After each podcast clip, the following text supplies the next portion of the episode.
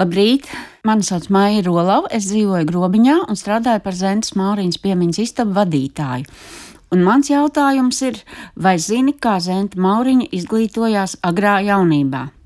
Pirmais izziņas avots Zentas dzīvē ir Braukhausa vārnīca, bet labākais skolotājs bija un palika tēvs.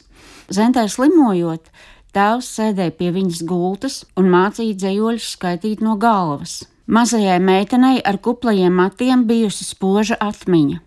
Kad tēva dzējoļu zināšanas bijušas izsmeltas, viņš pievērsies latīņu heksametriem. Tēva uzskats, ka no laba dzējoļa kaitas atkāpjas, palīdzējušas Zentē pārvarēt dažu sāpju brīdi. Liela loma Zentas izglītošanā bija mājaskolotājām. Mauriņu meitas arī mājās tika skolotas stingri pēc gimnāzijas kursa.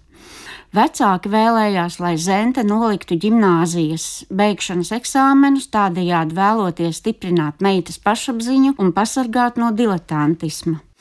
Tie gan bija pārliecināti, ka Zentei iztiku pelnīt pašai nekad nenāksies.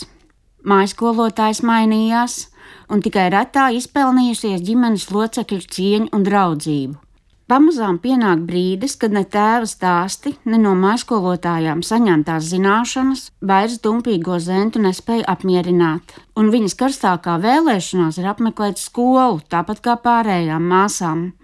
Pēc māsu stāstiem viņa uzbur sev tīkamas ainas par draudzenēm un jautrību, skolotājiem, par dažiem jūsmo, bet dažus neieredz, par skolas liecībām un formas tērpiem, un garo prieka virkni noslēdz skolas beigšanas eksāmeni, kas atvērs durvis uz universitāti.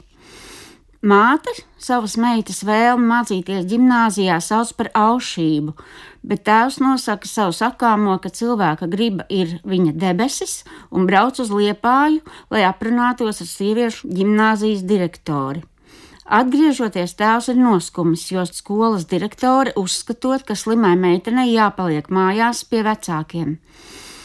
Zente to uztver kā pātagas cirtienu, bet viņas māte Melānija triumfē. Nu, vai es neteicu, ka tas nebūs iespējams?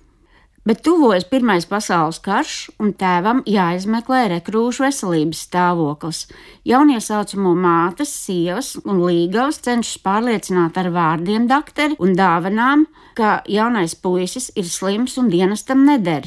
Mauriņu saimniecības vadītāji dusmojas par atraidītajām pīlēm, treknajām zosīm un citiem labumiem, ko kompromisus nepieņemošais dakteris atraida un divi karsti mīlēti dēli ir arī sieviešu gimnāzijas direktorei, un vecākajam jādodas zaldātos. Direktrises slepnais zirgu pajūgs kādu dienu piestāja pie grobiņas doktorāta, un viņas un doktora sarunas ieilgst. Direktrise, domājot, ka apskatē varētu gadīties, ka dēla plaušu galotnīte ir tuberkulozes skarta, un kā viņš mīlot savu meitu, tā viņa savu dēlu. Pēc šī apciemojuma Zenta veiksmīgi nokārtoja iestāju eksāmenus un sāk mācīties sieviešu gimnāzijas priekšpēdējā klasē. Un beidzot viņai ir tumšs brūns formas tērps ar mazu apaklīti, melns priekšauts un maza sudraba nozīmīta pie cepures. Viņai ir 16 gadu, un klasē viņa ir visjaunākā. Skola ir elitāra, Tajā mācās pārtikuši vecāku meitas. Gaitiņos livrejās tērpti sulaiņi nodrošina kārtību un palīdz Zentai tikt no vienas klases citā.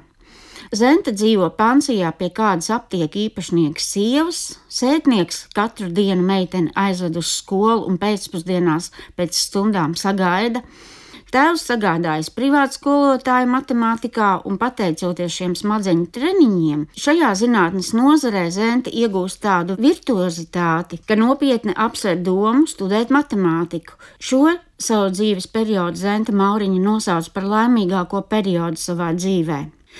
Pēc gimnāzijas absolvēšanas Zente Grobiņas doktorātā atver mazu skolu. Viņas audzēkņi galvenokārt ir grobiņas latviešu un ebreju bērni, bet mazā dzīve jauno skolotāju neapmierina, lai gan viņa lepojas, ka pati spēja nopelnīt naudu. Bet skolēnu iemaksas ir tik mazas, ka viņa 1920. gada septembrī vēstulē lūdz palīdzību Jānim Akurāteram. Aizbraukt uz Rīgu, studēt ir mans lielākais sapnis, bet apstākļi ir tādi, ka vecāki maz ko var man līdzēt bet galvenais viņi baidās mani tik tālu aizsūtīt. Varbūt jūs variet palīdzēt mazu vietiņu dabūt, kad jūs kā autoritāte man rakstītu, ka tur Rīgā nemaz nebūs tik grūti iztikt. Mani vecāki jums ticēs. Vislabāk viņa būtu studējusi medicīnu vai kļuvusi par dārznieci, pateicoties jūsmīgi mistiskai saistībai ar puķēm. Dzēja viņas acīs ir kā svētnīca, un ka no rakstniecības var eksistēt, tas pat prātā nenāk. Agrāk pārtikusī doktora ģimene pēc Pirmā pasaules kara zaudējusi savu materiālo pārticību. Zaudēti arī noguldījumi uz zentas vārda kā krievu, tā franču bankās. Māte žēlojas par nabadzību un plašā dzīvesveida zaudēšanu, viņas argumenti ir dzelžaini. Vecākās māsas arī nebija studējušas, un Zentai vajagot samierināties.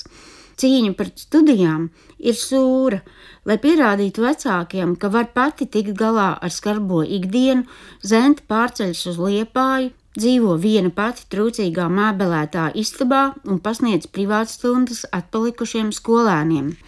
Zentes cīņa ar vecākiem par universitāti ilga trīs gadus. Beidzot, 1921. gadā 24 gadus jaunā Zenta, kā viņa pati par sevi raksta, Lāgā neprotot atšķirt sapni no īstenības, radot sev tīkamas un mānīgas nākotnes ainas, bez jauna ziemas mēteļa un cepures sēž vilcienā, kurš viņu no liepājas ved uz Rīgu, par spīti slimībām, par spīti karam un prom no vecāku apsargātās dzīves.